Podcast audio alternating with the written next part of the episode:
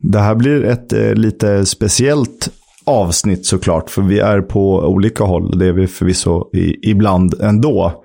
Men eh, nu befinner jag mig ungefär 30 mil norr om Stockholm i Hälsingland och just nu faktiskt i en bastu handduksbeklädd för att eh, få ljudbilden helt perfekt och sammetslen. Vi får se om det lyckas. God fortsättning, Leo.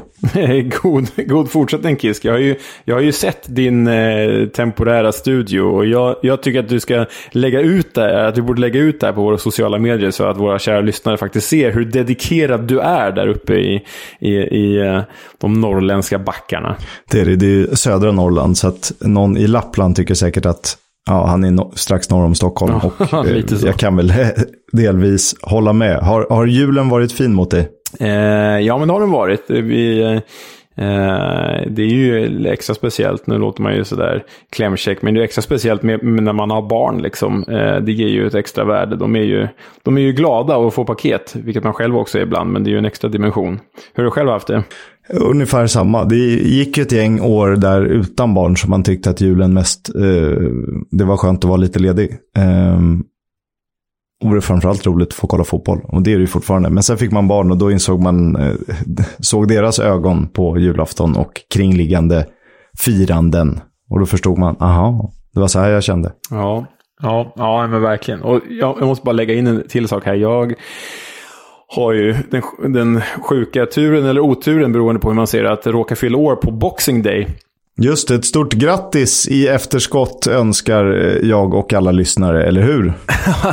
det, var inte, det var inte det jag sökte, men, men tack så mycket. Men eh, det jag framförallt eh, tänkte berätta, och det har ju du redan sett bilder på, men eh, vi har ju otroligt stöd eh, den här podden från min kära familj. För jag har ju då i både julklapp och födelsedagspresent fått Championship-tröjor. Jag har fått en QPR-tröja och en Swansea-tröja.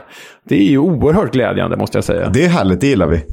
Mm. Podden stöttas från annars icke så fotbollsintresserade familjemedlemmar. Härligt. Och jag hann få hem min Luton Town-tröja strax innan jul som en tidig julklapp till mig själv. Från Hatters mm. World. -shoppen. Vi borde inreda poddstudion med alla IFL-tröjor som vi har. Det borde vi absolut göra. Vi, det, vi börjar samla på. Men sen är det är alltid svårt att köpa eh, tröjor till lag man kanske har någonting emot sådär. Även fast man kan prata objektivt om dem förstås. Ja, nej, men det, nej, jag skulle ju aldrig, aldrig eh, värva en, eller införskaffa en Real Madrid-tröja till exempel. Nu är det inte aktuellt för den här podden, men ändå, det var ett exempel. Vi eh, säger häng med.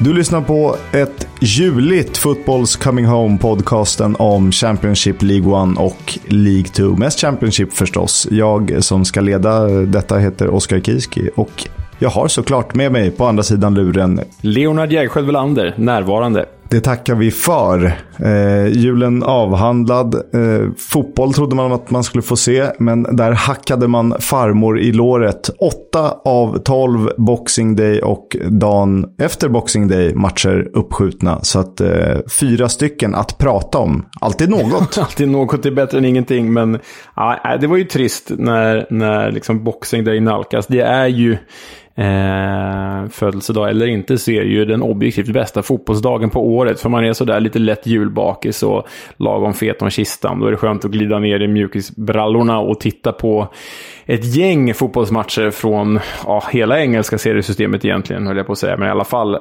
The Championship och Premier League. Exakt så är det. Och det är eh, stackarna på Viaplay som eh, sänder Championship måste ha bytt matchen tre, fyra gånger. För att jag tror både Hull, Blackburn och Luton mot Bristol City, alltså 16-0-matcherna, var tänkta att eh, gå på tv. De gick ju inte. Nej, vilken blev det istället då till slut? Det blev ju Huddersfield, Blackpool och Middlesbrough Nottingham. Det var de enda två som spelades. Aha. Så att man var ju så illa tvungna. Det var, gick att lösa ändå, som tur var. Ja. Och jag såg eh, en halvlek av varje. Eh, lite sådär med familjen med ena ögat som man gör nu för tiden. Mm, ja, men det var väl tur att det landade på Huddersfield Blackpool då. Vilken jädra match! 3-2. Det, det, var ju två mål efter tre minuter. Man hann ju knappt eh, kicka igång streamen innan det rasslade eh, både en och två gånger. Och eh, Blackpool hade ju ganska länge ledningen.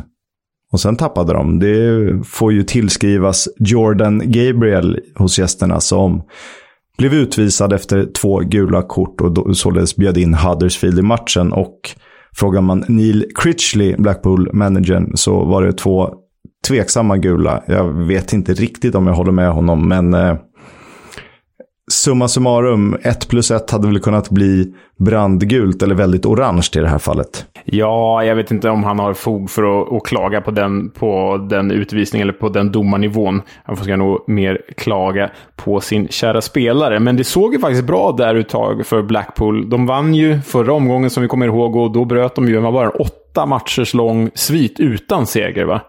Ehm, så när de var uppe i ledning här igen så såg det onekligen bra ut för The Tangerines. Men eh, ja, det kan nog göra rätt mycket med psyket hos ett lag, tänker jag. När man kommer från en sån jobbig svit, vinner och sen åker på en sån här snöplig förlust igen. Man vill ju se hur Blackpool tack tackla det här. För nu är det ju trots allt återigen bara en seger på de tio senaste. Det, det ser ju inte bra ut. Nej, och då spelar det inte så stor roll om man var det bättre laget i ungefär 60 minuter. Eh, för det var ju därefter som Huddersfield bjöds in, tog över taktpinnen och gjorde som man ska när man är en man mer på hemmaplan. Och det är bara fräsa på framåt. Och vem, om inte Sorbet Thomas, klev fram? Det var ju faktiskt hans både ett och två första mål sedan augusti. Nu kanske inte det är mål han är tänkt att göra nödvändigtvis, men han eh, eh har inte gjort mål sedan augusti. Du vet hans fina form där i början av säsongen när han belönades med landslagsplats. Ja, han är ju en jäkla frejdig spelare, alltså sån jäkla wingback. Du hade väl med honom på bänken i, i, i höstens lag, va? Jag hade med honom i, i startelvan. Och därför känner han ju att vara, i alla fall att nämnas i de sammanhangen. För han är ju en av Premier Leagues bästa ytterspringare och liksom kan han omvandla sin kapacitet i liksom avgörande poäng som nu, nu i helgen, ja då, då knackar nog verkligen Premier League på dörren snarast skulle jag säga. Det var en härlig Freudian slip där eftersom du sa att han är en av Premier Leagues bästa ytterspringare ytterspringare och eh, det är han ju inte. Han är ju en av Championships bästa ytterspringare. Kanske ja. den bästa i sin liksom wingback full fart framåt position. Men han har ju absolut fog för att knacka på en Premier League, det är jag. Och jag tycker att han spelar med ett härligt internationellt snitt. Alltså han... Eh, han myser fram, det är en låg tyngdpunkt. Det är någonting annat än eh, många yttrar vi ser som förvisso kan vara väldigt bra, men som eh, saknar den där edgen som gör dem lite extra charmiga och kanske värda att eh, lyfta på lädret för. Ja, men faktiskt. Sen vet vi ju att den här typen av spelare, de, de här eh, innan wingbacksen liksom eh, kom tillbaka i den moderna fotbollen så landade man ju på spelare som liksom bytte mellan det offensiva yttermittfältet och eh, någon slags offensiv ytterback. Jag tänker på Gareth Bale och Ryan Sessegnon. Um, som, gjorde, som liksom var ju otroligt bra i, i, i eh, The Championship och lägre serier. Så tog de klivet upp till Premier League och där tog det ju nästan stopp inledningsvis för bägge. Ja, och sen, kom ju Gareth, sen blev ju Gareth Bale Gareth Bale som vi vet. Men det kan ju vara ett stort kliv för en sån spelare som Sorba Thomas som dessutom har gjort en väldigt snabb resa uppåt genom systemet också. Ja, på tal om Tottenham så tror jag inte att han hade varit helt dum som en av fyra wingbacks. Han har ju faktiskt använts även till vänster. Han trivs ju bäst till höger, men eh, funkar ju, spelar till vänster i landslaget, bland annat när Wales mötte Estland. Och det är inte så att han gör bort sig. Så att skulle Tottenham ha honom bakom Emerson Royal, vi ska inte prata för mycket Premier League, men ändå, så tror jag inte det skulle vara helt dumt. Istället för en uh, Matt Doherty som vi inte behöver prata så mycket mer om, som kanske hör hemma i Championship uh, på sin högsta nivå. Ja, ja men eh, kanske så. Det är nog rätt definierat. Och det är ett lag som spelar 5-3-2 där det verkligen, eh, där det verkligen funkar. Där man får en annan frihet och inte behöver känna samma ansvar som i en fyrbackslinje där det blir väldigt blottad om du inte håller nivån som ytterback. Exakt. Annars Huddersfield upp på sjätte plats. Det såg man ju inte komma inför säsongen. Dock har de ju spelat betydligt fler matcher än sjunde placerade QPR. Det var det om Huddersfield från Jag tänker alltid St. John's Stadium. Den heter inte St. John's Stadium, den heter John Smiths Stadium. Kirklees va? Just det, precis. Eh, den andra matchen då, Boxing Day i Championship, var Middlesbrough mot Nottingham som jag hade som någon slags eh, omgången som kommer. Det var ju tur att jag tog, prickade en av två matcher som faktiskt skulle spelas. Och där uppstod en av eh, julhelgens eh, härligaste höjdpunkter, om man tittar på det objektivt. Det var nog inte jätteroligt för Ryan Yates, som säkert hade eh, några problem att somna Ja, nej men det, det, det får inte hända på den här nivån. Och jag, jag som eh, eh, följer, har följt fransk fotboll väldigt länge. Jag har ju målvakten Brissamba, alltså Forests målvakt Brissamba med mig i bagaget. Och Eh, Eh, jag kan inte säga att han har varit inblandad i en sån här usel situation tidigare, men han är ju en målvakt som kanske inte är bäst på att kommunicera med sina försvarare. Nu säger jag inte att det här är Brissan Bass eh, absoluta fel, men jag, jag, bara vill påpeka att det är en målvakt som ofta hamnar i rör, röriga situationer med sina försvarare. Eh, sen är det väl framförallt Ryan Yates som ser dummast ut av de två i den, i den här situationen. Det kanske Ja, hur beskriver man det bäst, Kisk? Eh, Ryan Yates får ju bollen strax ovanför eget straffområde och utmanas av tre Forest-spelare ganska så tufft. Inte nödvändigtvis eh, fysisk kontakt, men eh, han kommer rätt nära dem. Bestämmer sig för att vända upp, eller vända tillbaka hem mot målvakt. Och Briss Samba står ju lite åt sidan. Han står ju liksom inte mitt i målet så att man eh, kan slå tillbaka en passning säkert. Och eh, det är en ganska distinkt hemåtpassning. Den är jävligt bestämd. Det är ganska många eh, avslutare i Championship som hade behövt det tillslaget i, i offensiva lägen. Ja, verkligen alltså. Men nej, det blir ju, det blir ju direkt uppförsbacke där borta mot Chris Wilders Middlesbrough. Vi kommer ihåg Chris Wilders Sheffield United. Om det var något de var bra på så var det ju att stänga matcher liksom, när de väl tagit ledningen. Um, så där gjorde ju Yates och Samba inte, ja framförallt Yates då, inte Nottingham någon större tjänst. Och i och med det så bröts ju Ford's svit. Hur många, hur många matcher blev det till slut? Åt nio matcher? Nio förlustfria matcher blev det. Det var Andras Sporar som gjorde 2-0 målet på en retur som dök upp. Och han, eh, han seglar ju lite. Han eh, gör sina mål här mot sluthalvan av den av, av säsongen då. Mm. Den första sluthalvan blir det ju. Han lever upp till sina football manager-attribut. Han gör väl det. Var han bra på FM? Ja, otroligt bra. Framförallt när han spelade i FC Basel för tre fyra år sedan. Då var han en riktig, riktig guldklimp kan jag meddela. Jag har tagit en liten FM-paus. Jag spelade lite i början av pandemin, men eh, jag hinner inte känner jag. Det finns annat eh, som man måste lägga tiden på. Typ prata om Championship. typ prata om att man inte spelar fotboll Manager i en podd. Exakt. Eh, 6-0 i skott på mål var det till Boroughs fördel, så det var väl inte helt orättvist. Eh, de har tagit 13 poäng på de fem senaste och är därmed ny femma. Forest ligger på nionde plats och det är två lag som förmodligen kommer vara med och slåss om playoff-platser. Det tror vi väl. Ja, jo, nej men absolut. Och skulle du kräva ett svar av mig nu så skulle jag säga att båda de här kommer hamna på topp 6. Så sent som för en vecka sedan sa jag att Forest kommer klämmas in på topp 2. Det står jag fortfarande för. För jag tvingas ju stå för resten av säsongen. Men, men, men du har ingen val. Bägge de här kommer nog att hamna i playoff, eh, säger jag i alla fall.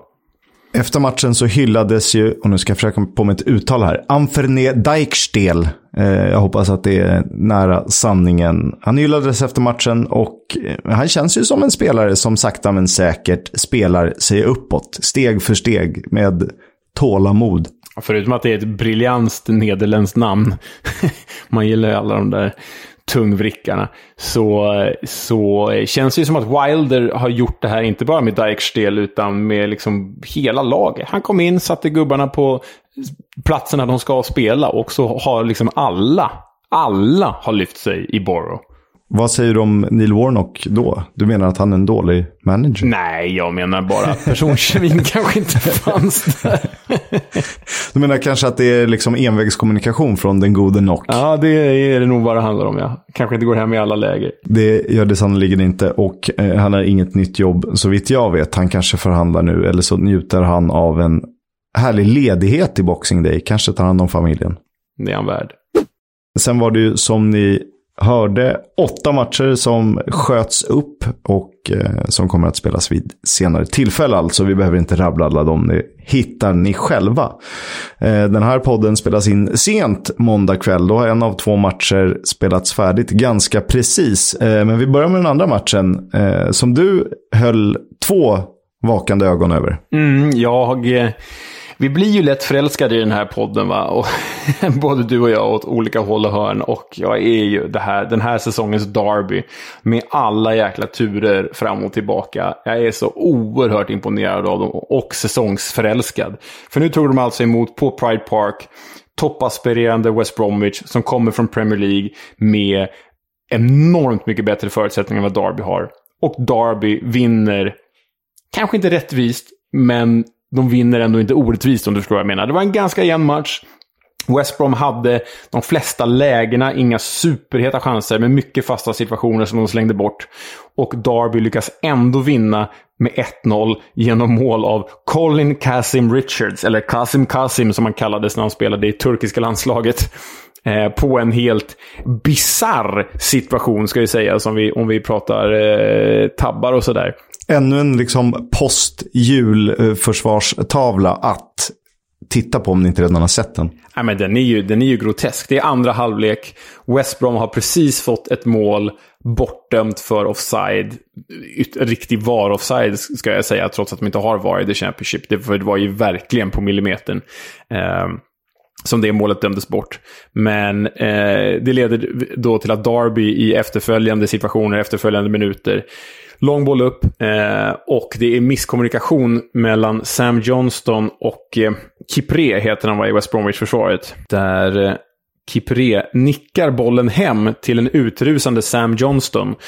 Problemet är bara att Sam Johnston är utanför straffområdet, så han får inte ta emot bollen. Får den rätt på sig. Eh, bollen landar hos Colin Cousin Richards som lägger in den i öppet mål. Ut, och han står utanför straffområdet då när han gör det. Och jublet på Pride Park. När det här liksom utsiktslösa, hopplösa, den djupt förankrade Derby tar ledningen West Brom. Det är, det är det största jubel jag har hört i Championship den här säsongen. Det, för de poängen är värda så mycket fast de inte är värda någonting. Och eh, ska tilläggas i, i covid-19 då så ligger både Alex Mowat och Carlan Grant sjuka i West Brom. Och det är två av de fyra bästa spelarna eh, utan tvivel. Men Derby saknar då i en redan tunn trupp, eh, redan sargad mentalt Eh, de saknar Graham Shinney, Camille Josviak, Phil Jagielka och Tom Lawrence, kanske den klarast lysande stjärnan i laget. Och där vi kan väl säga att åtminstone tre av dem är ju helt ordinarie i Derby. Spelar varje match, egentligen. Ja, de har inget val. Nej, eh, nej, men, nej, men är oerhört imponerad av Derby. Och nu, nu är ju liksom Derby så bra, trots sina förutsättningar, att man börjar ju titta i tabellen och bara, jaha, de är faktiskt bara sju poäng bakom Barnsley. Trots att Derby då har fått minus 21 poäng jämfört med Barnsley då. Det är, ja, det är otroligt faktiskt. De hade väl legat på femtonde plats om de inte hade blivit av med 21 poäng. Ja, ja exakt. Um, Sen noterar jag här att Jagielkas eh, ersättare i startelvan har du skrivit i körschemat att Richard Stearman blev man of the match. Eh, och detta trots att han då eh, höll på att dribbla bort både sig själv och, och bollen eh, som gav West Brom ett eh, ypperligt läge som de dock inte utnyttjade. Richard Stearman såg ju annars faktiskt rätt bra ut bredvid Curtis Davis. Men så är det ju, spelar man bredvid Curtis Davis då blir man ju per automatik bra. Exakt, han var väl med i årets lag, eller säsongens lag hittills. Eller vi pratade om honom i alla fall. Hade jag honom? Ja, jag, hade, jag, jag hade med honom i min elva i alla fall. Ja, du hade med honom, jag hade inte med honom. Hör på det här Kisk. Derby har av 12 möjliga poäng mot West Bromwich, som de är två gånger, Fulham och Bournemouth, tagit åtta. Det är helt sjukt. Ja, det är faktiskt, det är faktiskt helt sjukt. Jag vet inte hur, när vi ska sluta lovorda dem. Det går ju inte. Det här är ju... Alltså The Great Escape. Det, kom, det kommer ju aldrig gå, det förstår man ju också. För att det är ju för många poäng upp till säker mark. Och i och med att andra lag kommer ta lite poäng så att de skulle spela ihop då typ 35 poäng till eller något i den stilen. Det känns ju helt osannolikt. Alltså, Men ändå, att göra det på det här sättet. De är ju faktiskt bara, inom citationstecken, 14 poäng bakom Reading som ligger ovanför strecket. Men det man ska ha med sig i huvudet här är ju att de spelare av kvalitet eller potential som finns kvar i Derby nu, de kommer ju med stor sannolikhet att lämna i januari när konkursboet försöker få ut all kräm de kan ur det här laget. Um, så det Derby vi ser nu kanske inte ens har ens tio likadana spelare eh, om en månad. Det får vi se. Om inte spelarna vill vara kvar. Men det kan vi ju inte sia om här. Utan det ska bli rätt spännande att följa och se vad Wayne Rooney kan hitta på. Hatten av hittills i alla fall. Och då till den matchen som ganska nyligen är färdigspelad. Det var QPR som tog emot Bournemouth på Loftus Road. Det var vintrigt eller höstigt. Det var regnigt. Eh, det var alldeles otroligt vackert i strålkastarljusen. Jag blev, eh, jag blev sådär London-kär som man kan bli ibland när man ser London på film och kände att snart boka en resa. Jag får väl fly in. Ja, men det, det, jag, jag såg ju, var ju mitt uppe i en läggning här, så jag såg ju faktiskt bara de turbulenta slutminuterna. Men, men jag köper den romantiken du beskriver. Man älskar ju det här liksom eh, London-mörkret och man älskar ju Loftus Road, eller vad heter det, Prince Kian Foundation Stadium numera. Man älskar ju det stället. Det gör man. Och eh, de Solanke vet jag inte om man älskar eller om man, vad man tycker om honom. Men eh, han är ju en ganska bra anfallare.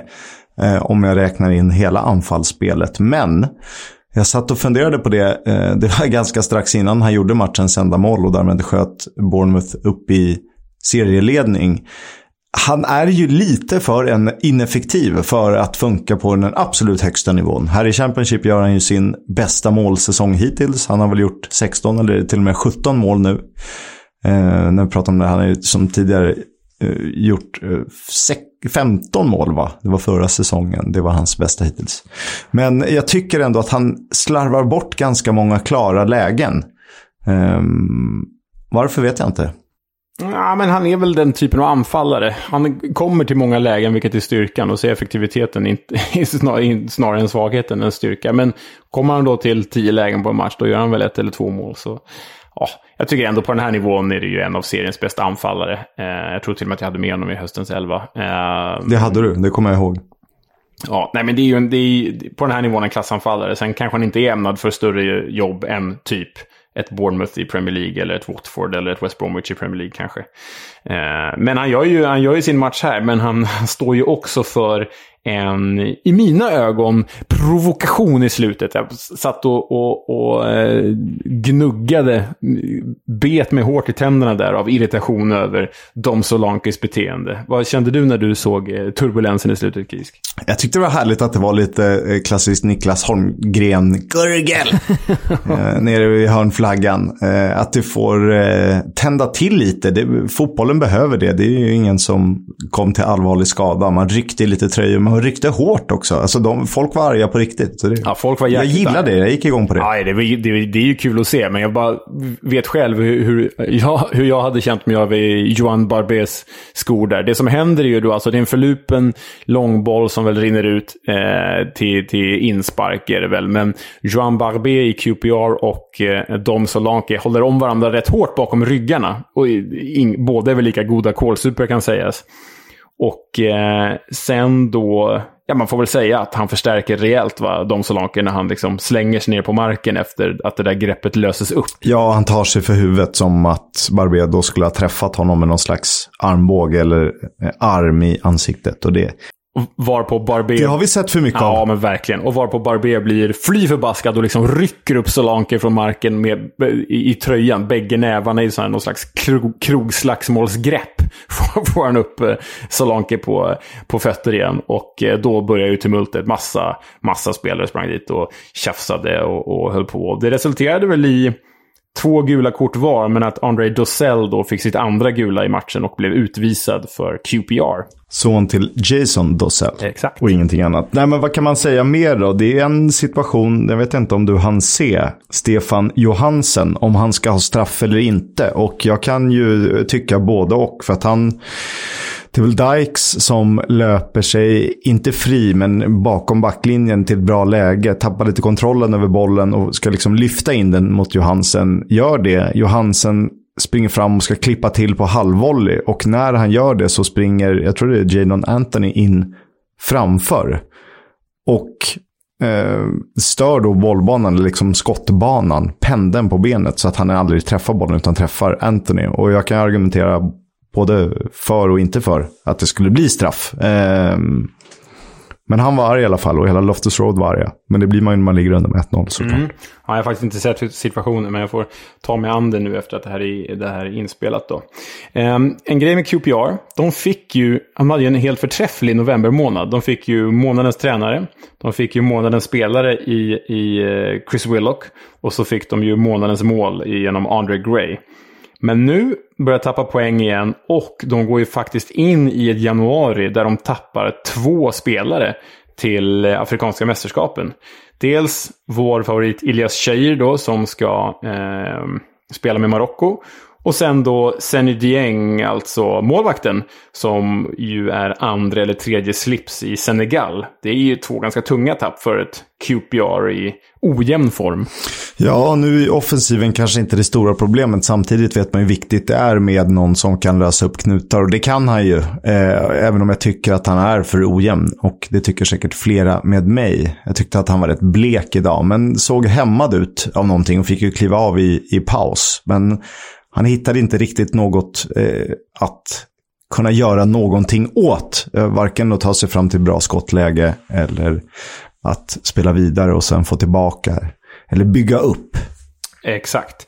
Och man kan väl säga då att den målvakt som, de målvakter som finns kvar då när Senedieng åker iväg med Senegal, det är Jordan Archer, Joe Walsh och Dylan Barnes. Och där är det väl Jordan Archer som väntas stå om jag inte är helt snett ute, vilket jag kanske är. Fostrad i Tottenham, eh, vet jag. Eh, fick väl aldrig någon riktig chans eftersom Hugo Lloris har prenumererat på den där platsen efter att Brad Friedel lämnade över skopan. Så det är ingen diskussion. På tal om målvakter då. Mark Travers tycker jag växer ut Alltså han växer nästan för varje match. Han känns väldigt, väldigt stabil. Det är, han var inte riktigt hotad idag, eh, så det kanske tillför någonting till det jag tänker. Men han känns ju bara genomgående stabil och det är klart att man, det är lättare att göra det i ett lag som eh, aspirerar om toppplatserna än om du står i ett derby till exempel. Men ändå, jag lyfter på min lilla hatt. Jag tycker han ser bra ut. Irländaren. Mm.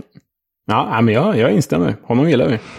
Eh, om vi kikar ner lite i League One så åkte ju vårt kära Rotherham, eller kära och kära, de åkte på en tung smäll mot Accrington Stanley. Förvisso bara 1-0, men alltjämt en tung smäll.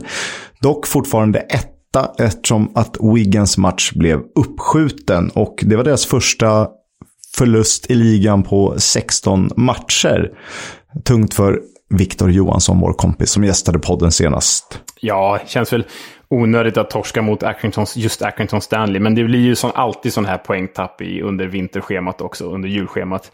Stora lag, bra lag, åker på liksom, oförklarliga nitar. Jag är rätt säker på att Rotherham kommer igen. De, de, är ju, de är ju i toppen för att stanna. Så är det ju.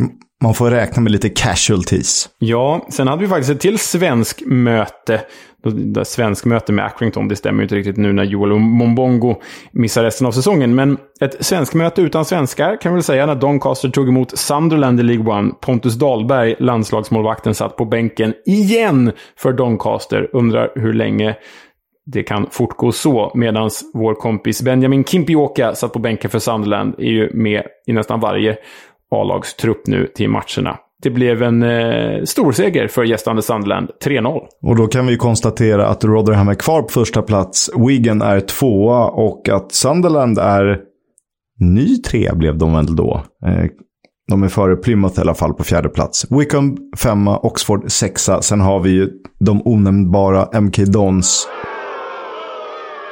Följt av Sheffield Wednesday och Pompey som slåss om det där. Men som det ser ut just nu så har ju fem lag kopplat något hyfsat grepp. Det är uppskjutna matcher så att Wigan har spelat 21, Plymouth 24. Vilket säger att det kan hända mycket. Men så ser det ut i alla fall. Mm, ja, men spännande. Följer vi vidare med glädje förstås. Have you not been watching? I haven't! Vi börjar i Blackburn Rovers som fick sin match mot Hull uppskjuten med väldigt, väldigt kort varsel. Jag tror att det var två timmar innan avspark. Nu kräver de en utredning eh, eftersom att informationen nådde Blackburn Rovers vd Steve Waggott först när han själv kontaktade IFL. Och eh, det sista covid-testet gjordes på morgonen innan matchen. Det var först då det visade sig att för många testade positivt, vilket gjorde att Hull inte kunde ställa tillräckligt många spelare på planen. Men eh, Rovers vill att det här ska utredas ordentligt. Mm, och eh, det förstår man ju. Och därtill är det faktiskt ytterligare matcher som ställs in nu under mellandagarna. I nuläget kan ju förändras när som helst egentligen fram till avspark som ni har förstått. Men i nuläget kommer Swansea mot Luton, Birmingham mot Peterborough och West Bromwich Albion mot Preston North End inte att spelas i omgången som kommer i veckan alltså. Så får vi hoppas att det inte blir fler uppskjutna matcher än så. Den amerikanska affärsmannen Chris Kirchner, som vi pratat om i tidigare avsnitt, meddelade, precis innan jul att han drar sig ur ett eventuellt köp av Derby County. Eh, men konkursförvaltarna är positiva och menar att en lösning med ny ägare inte är alltför avlägset. Det ska ju ha varit så att de andra intressenternas bud ska ha varit rätt mycket högre än Kirchners. Så vi får väl se vem eller vilka som kan ta över Burnley. Mm. Eller inte Burnley, Derby. Sa jag Derby. Burnley? Ja, Du sa jag Burnley. Derby. Det fattar ju Derby. ni också. Ehm, sen har vi då en liten eh, rolig nyhet, eller en nyhet, det är väl en spaning som blev lite viral här i veckan där BBD, alltså Ben Brereton Diaz mamma, har visat sig ha en helt otrolig dialekt. Och det här handlar inte om att vi driver med henne, det- utan det handlar om att vi bara älskar sättet som hon pratar på. Det är liksom en blandning av Stoke-on-Trent och Chile. It's just amazing and it's a dream come true, as I say, for everybody really. Who would have thought a boy from Stoke-on-Trent and suddenly he's, he's in, in my country, Chile, and playing for the, for the, the La Roja. So Den är helt eh, fantastisk. Det är liksom perfekta spanska uttal och så är det en, en väldigt eh, Stoke-on-Trentsk dialekt. Som det ska vara såklart. Ja, nej men det är så här. Allt, allt kring hela Ben Brereton Diaz är ju bara för bra för att vara sant. Man älskar varenda sekund av den mannen och allt runt omkring honom. Och nu förstås då även hans mamma. Mycket sympatisk story. Och sen ska det tilläggas att han har ju kontrakt fram till nästa sommar. Men som vi blev så korrekt upplysta av våra kära lyssnare så finns det tydligen en option hos Blackburn Rovers som gör att de kan förlänga hans kontrakt med ett år. Och det ska inte vara någon ömsesidig option utan den ska bara gälla Rovers. Eh, och den kan man tänka att de är rätt sugna på. Även om Brighton sägs vara intresserad av att lägga cirka 20 miljoner pund för chilenska landslagsmannen. Mm, vi får hoppas att han stannar. Jag såg att 442 hade rankat fotbollsarenor i Storbritannien. Vi skrev om det lite sociala medier. Eh, Ibrox etta, Celtic Park 2, Anfield är trea. Och sen på fjärde plats smyger sig en EFL-arena in, en Championship-arena. Det är Fulhams Craven Cottage före Old Trafford och Villa Park. Eh, och sen strax därefter i Tottenham Hotspur Stadium. Och listan baseras på matchdagsupplevelse enligt då 442s skribenter och tyckare.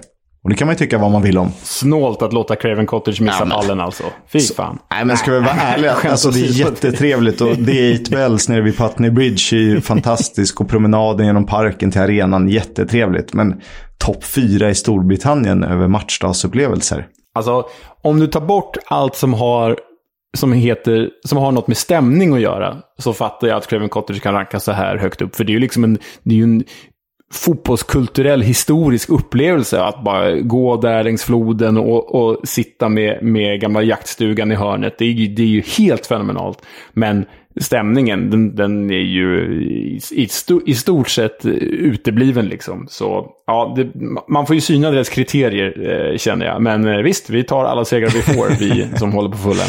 Eh, ni får göra det, ni, ni kan sätta den i pokalskåpet. Eh, det som inte Tottenham har något. Eller det har, de har ju ett men det är ganska tomt. Ja, så är det. En annan rolig grej som hände i veckan, det var att eh, League 2-ledarna, Forest Green Rovers, världens enda helveganska klubb, passade på att driva med Ligue 1, franska ligan. Det var nämligen så att i förra omgången i Frankrike så ställdes matchen mellan eh, Clermont och Strasbourg. Den ställdes in för, på grund av för mycket dimma. Och då passade Forest Green Rovers officiella Twitter, Twitterkonto på att driva med de bilder som eh, kablades ut från officiella franska eh, Twitterkonton.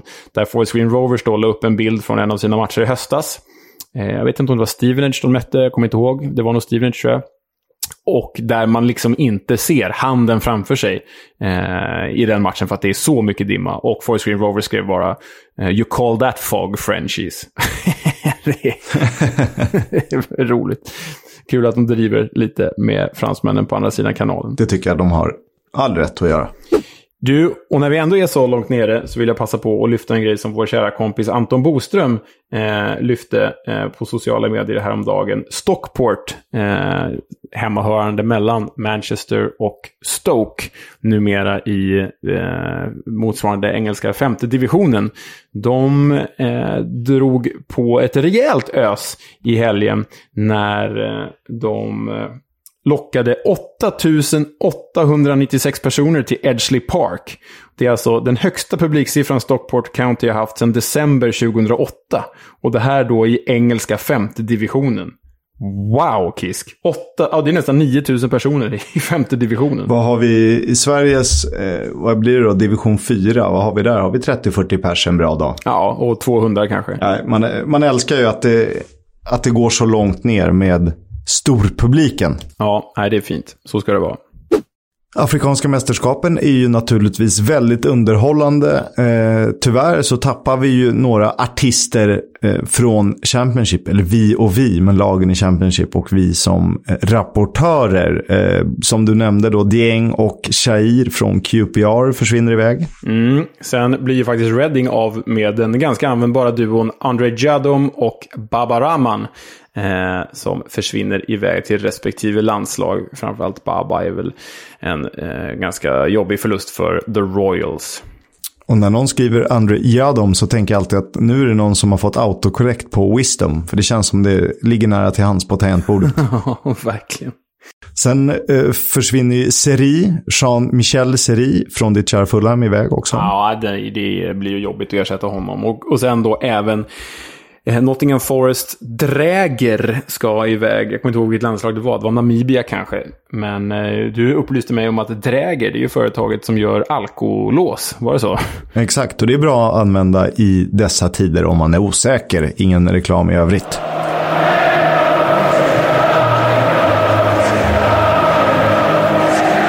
Footballs Coming Home sponsras av Stryktipset. Ett spel från Svenska Spel, Sport och Casino. För dig över 18 år. Stödlinjen.se. Ja, händer mycket intressant och det är svårt att veta vad som händer med tanke på att smittan sprider sig på sina håll och kanter. Så man får ju hålla koll ganska sent innan man rekommenderar matcher att se. Men eftersom att Bournemouth nu vann igen efter ett par matcher utan seger så tycker jag att deras möte med Cardiff den 29 december är att hålla ögonen på. Eh, Bournemouth kan ju försöka kliva in i någon slags fin period. Vi får se om serieledarna mäktar med det. Om de har vad som krävs för att vara ett lag för toppen, vilket man ju ändå får tro mot ett Cardiff som har ändå tagit tre segrar på de sex senaste. De är upp och ner, men de är sevärda sin bästa dag. Vad, vad tänker du på, Leo? Ja, men jag eh, slutar aldrig lyfta QPR i den här podden. Jag vill gärna... Eh, jag är spänd på att se om de orkar studsa tillbaka på Ashton Gate borta mot Bristol City nu på torsdag. QPR är ju oerhört underhållande. Bristol City är det inte. Vi får se vilken filosofi som går vinnande ur den striden. Därtill så kommer jag ju förstås hålla ett extra öga på mitt Fulham som åker till Reading och The Royals där de historiskt sett har det väldigt svårt. Så hoppas på bättring. Får hoppas på. Och vi vill bara upplysa er om att med tanke på hur läget är på våra respektive ställen så blir det inget segment som vi kallar klubben Veckans klubb, The Club eller liknande. Vi har valt att skjuta på det till efter nyår. Vi beklagar, men eh, vi lovar att vi är tillbaka. Jag skulle prata om Nottingham Forest nästa gång. Mm. Ja, men det blir, det blir roligt och det här är ju ett lite mellandagsavsnitt också. Det är ju bara två dagar mellan omgångarna så jag hoppas att våra kära lyssnare har förstående för det.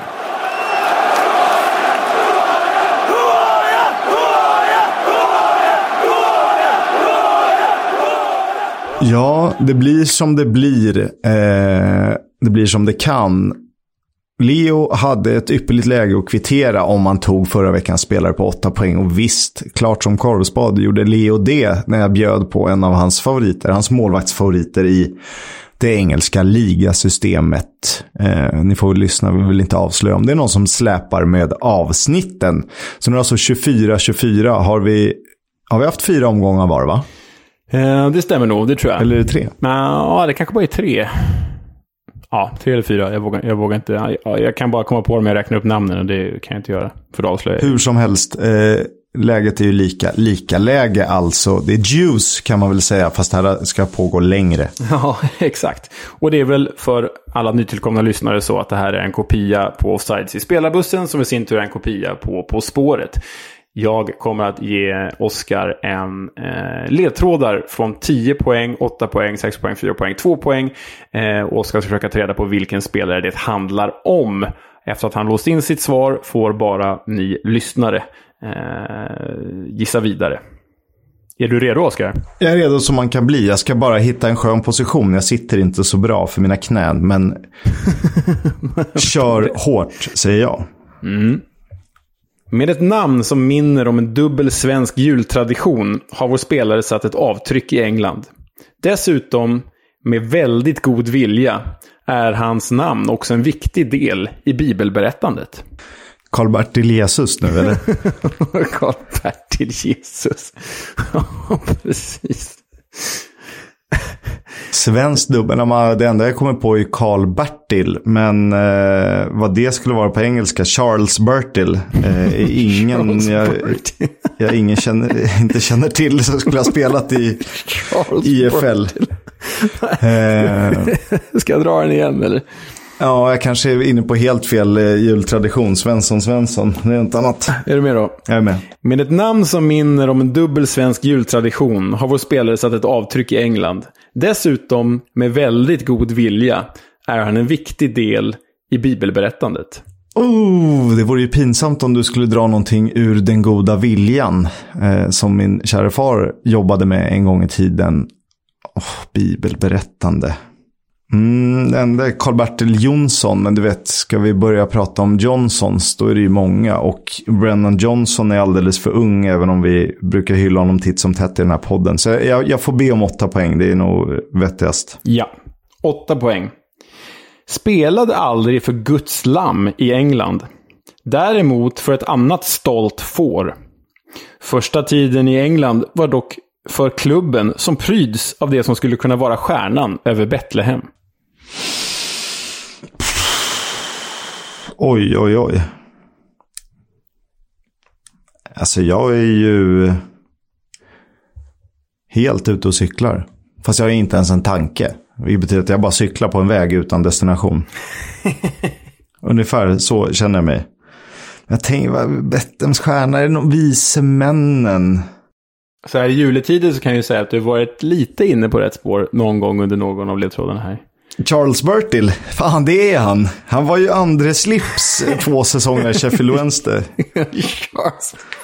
Eh, Vill du ha, Ja, vill ha åtta poäng igen? Vill du ha ledtråden igen? Åtta poäng.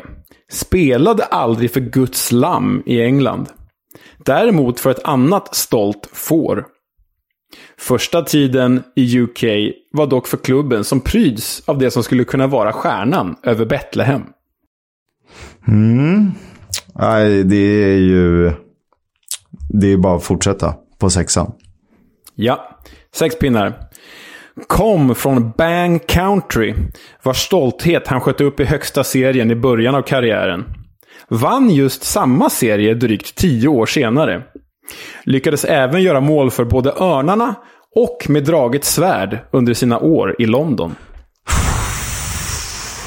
Oj, oj, oj, oj. Alltså när jag la ihop ett plus ett där så tänkte jag ju lite på Charlie Adam. Men när du pratar London så gör ju inte det någon, är inte det med någon klarhet i att det skulle vara innan det. Oh. Vänta, det är örnar. Ja, då är det ju Crystal Palace. Nej, dra den igen så måste jag fundera. Sex poäng. kom från Bang Country, vars stolthet han sköt upp i högsta serien i början av karriären. Vann just samma serie drygt tio år senare. Lyckades även göra mål för Örnarna och med draget svärd under sina år i London. Ja, men draget svärd, ja. Uh... Då tänker jag att det är fast... Åh. Örnarna är ju ganska säker på att det är Crystal Palace. Um, och då tänker man ju på... Oh, skulle det kunna vara han då? En av bröderna. Men han är inte, inte där då. Vann Premier League tio år senare. Och vilka vann han med? Nej, nej, nej, nej, det gjorde han inte. Ja. Så mycket Ja, det hjälper inte mig i alla fall. Eh, så du får nog eh, fortsätta. Fyra poäng då. Debuterade för Norwich i Old Farm på Portman Road. Sköt även upp Kanariefåglarna till Premier League. Norwich är också den klubb han gjort flest mål för i England. Lagkamrat i The Canaries med sin namne Jonsson. Mhm. Då, har jag, då vet jag ju vem det är. Så då var jag ju inte helt fel på det från början. Nej, om det är den du eh, touchade där i början så var du inne på det redan på 10 poäng. Jag har alltså skickat mitt svar till Leo. Det har du gjort. Då går vi vidare på två poäng. Även namne med Mikael Mördan i Southampton.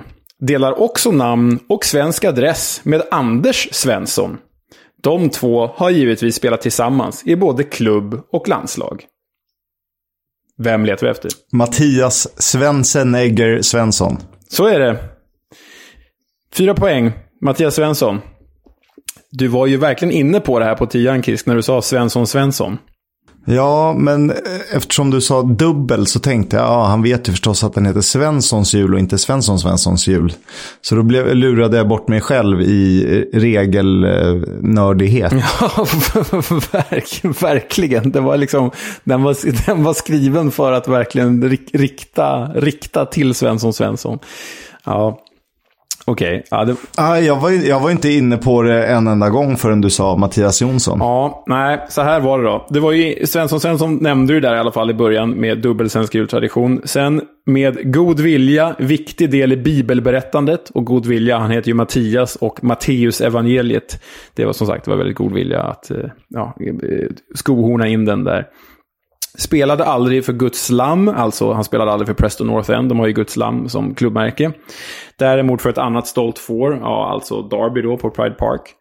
Ehm, första tiden var dock i klubben som pryds av det som skulle kunna, vara stjärnan över Betlehem. Och det är Portsmouth som då har eh, stjärnan eh, i sitt klubbmärke. Och den stjärnan är faktiskt hämtad från eh, de engelska korstågen. Eh, och då är man ju nere i Betlehem och härjar ungefär där någonstans. Men som sagt, den är ju långsökt. Men det var ändå åtta poäng. Sex poäng kom från Bang Country. Det är ju alltså då knalleland på eh, direkt översatt dålig engelska. eh, vars stolthet han sköt upp i högsta serien. Han sköt ju upp Elfsborg i högsta serien i början av karriären. Och sen så vann han ju den högsta serien drygt tio år senare. Eh, han gjorde mål för Örnarna, alltså Crystal Palace, och med draget svärd för Charlton, då som har ett draget svärd i sitt klubbmärke. Och sen tog du då när han debuterade för Norwich, eh, när han sköt upp dem till Premier League och var lagkamrat med Mattias Jonsson och sen då, lagkam- och sen då namnen med Mikael Svensson och Anders Svensson. Där, Mattias Svensson, fyra poäng.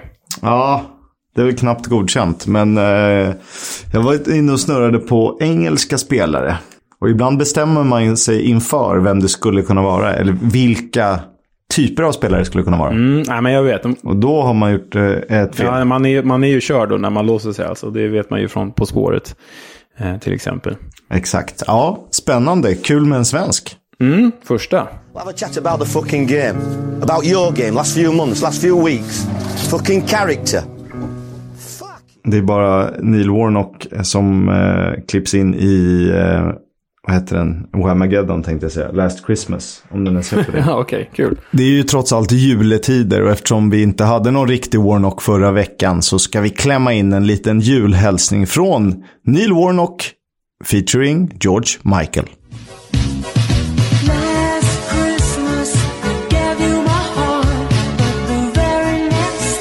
And you throw it away. It's a fucking set piece. Jag älskar sådana här idiotiska grejer. Alltså.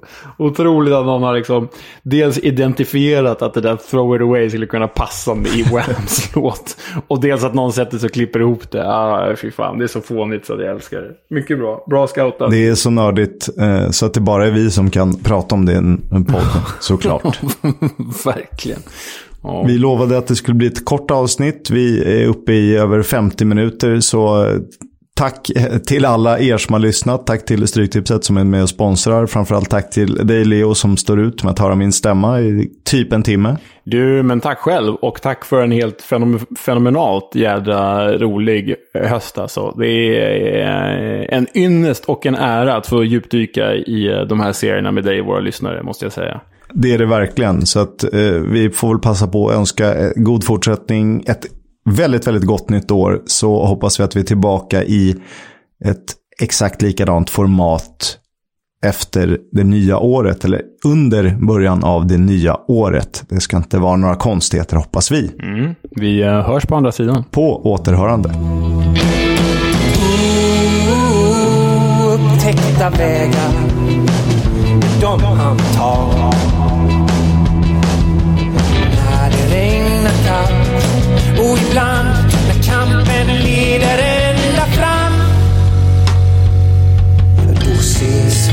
på lördag igen.